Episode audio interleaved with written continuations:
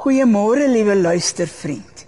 Hierdie Adventweek is ons tema geen plek vir Jesus omdat mense nie wis in watter gestate hy na hulle sou kom nie. Ons lees in Lukas 2 vers 7 sy toe 'n seun in die wêreld gebring. Dit was haar eerste kind. Sy het hom styf toegedraai en in 'n voerbak neergelê waaruit die diere hulle kos geëet het. Daar was geen ander plek vir Josef en Maria in Bethlehem nie. Al die gastekamers en die herberge was vol. Ek het verskeie kommentare gelees waarin die mening uitgespreek is dat daar vir Josef en die swanger Maria nie plek in 'n herberg was nie omdat hulle arm was en nie omkoopgeld kon bekostig nie.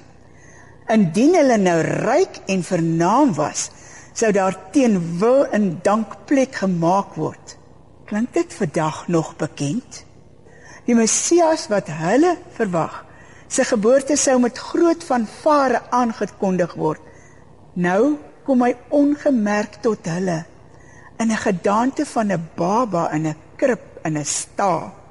Daar is egter baie maniere waarop ons ook geen plek vir Jesus het nie omdat ons nie wis in watter gestaat hy na ons toe kom nie. Ook 'n jager vertel in sy gedig: Ere sy God duur lank, hoe hy sy kleinkinders op ou Kersaand rondom sy huisorgel laat staan het om Kersliedere te sing. Toe die orgelnote en die kinderstemme die vertrek vul, was daar 'n bedeesde klop aan die deur. Hy besluit om hom nie daaraan steur nie. Die heerlike ervaring kon nie onderbreek word nie.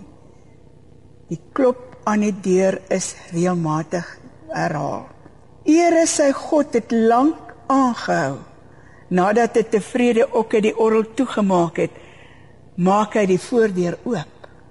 Dit was die kind met 'n hoofletter gespel in die vorm van 'n verkleumde straatkind wat net graag wil kom luister en saam sing.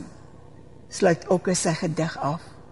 Soos die herbergier in Bethlehem, het hy nie plek vir Jesus gehad nie, omdat hy nie wis in watter gestate Jesus daardie aand na hom toe sou kom nie. Vader, moontlik het ek ook nie altyd plek vir u nie, maar u het altyd plek vir my. Daarom klouter ek ver oggend op u skoot waar u plek maak vir almal. Amen.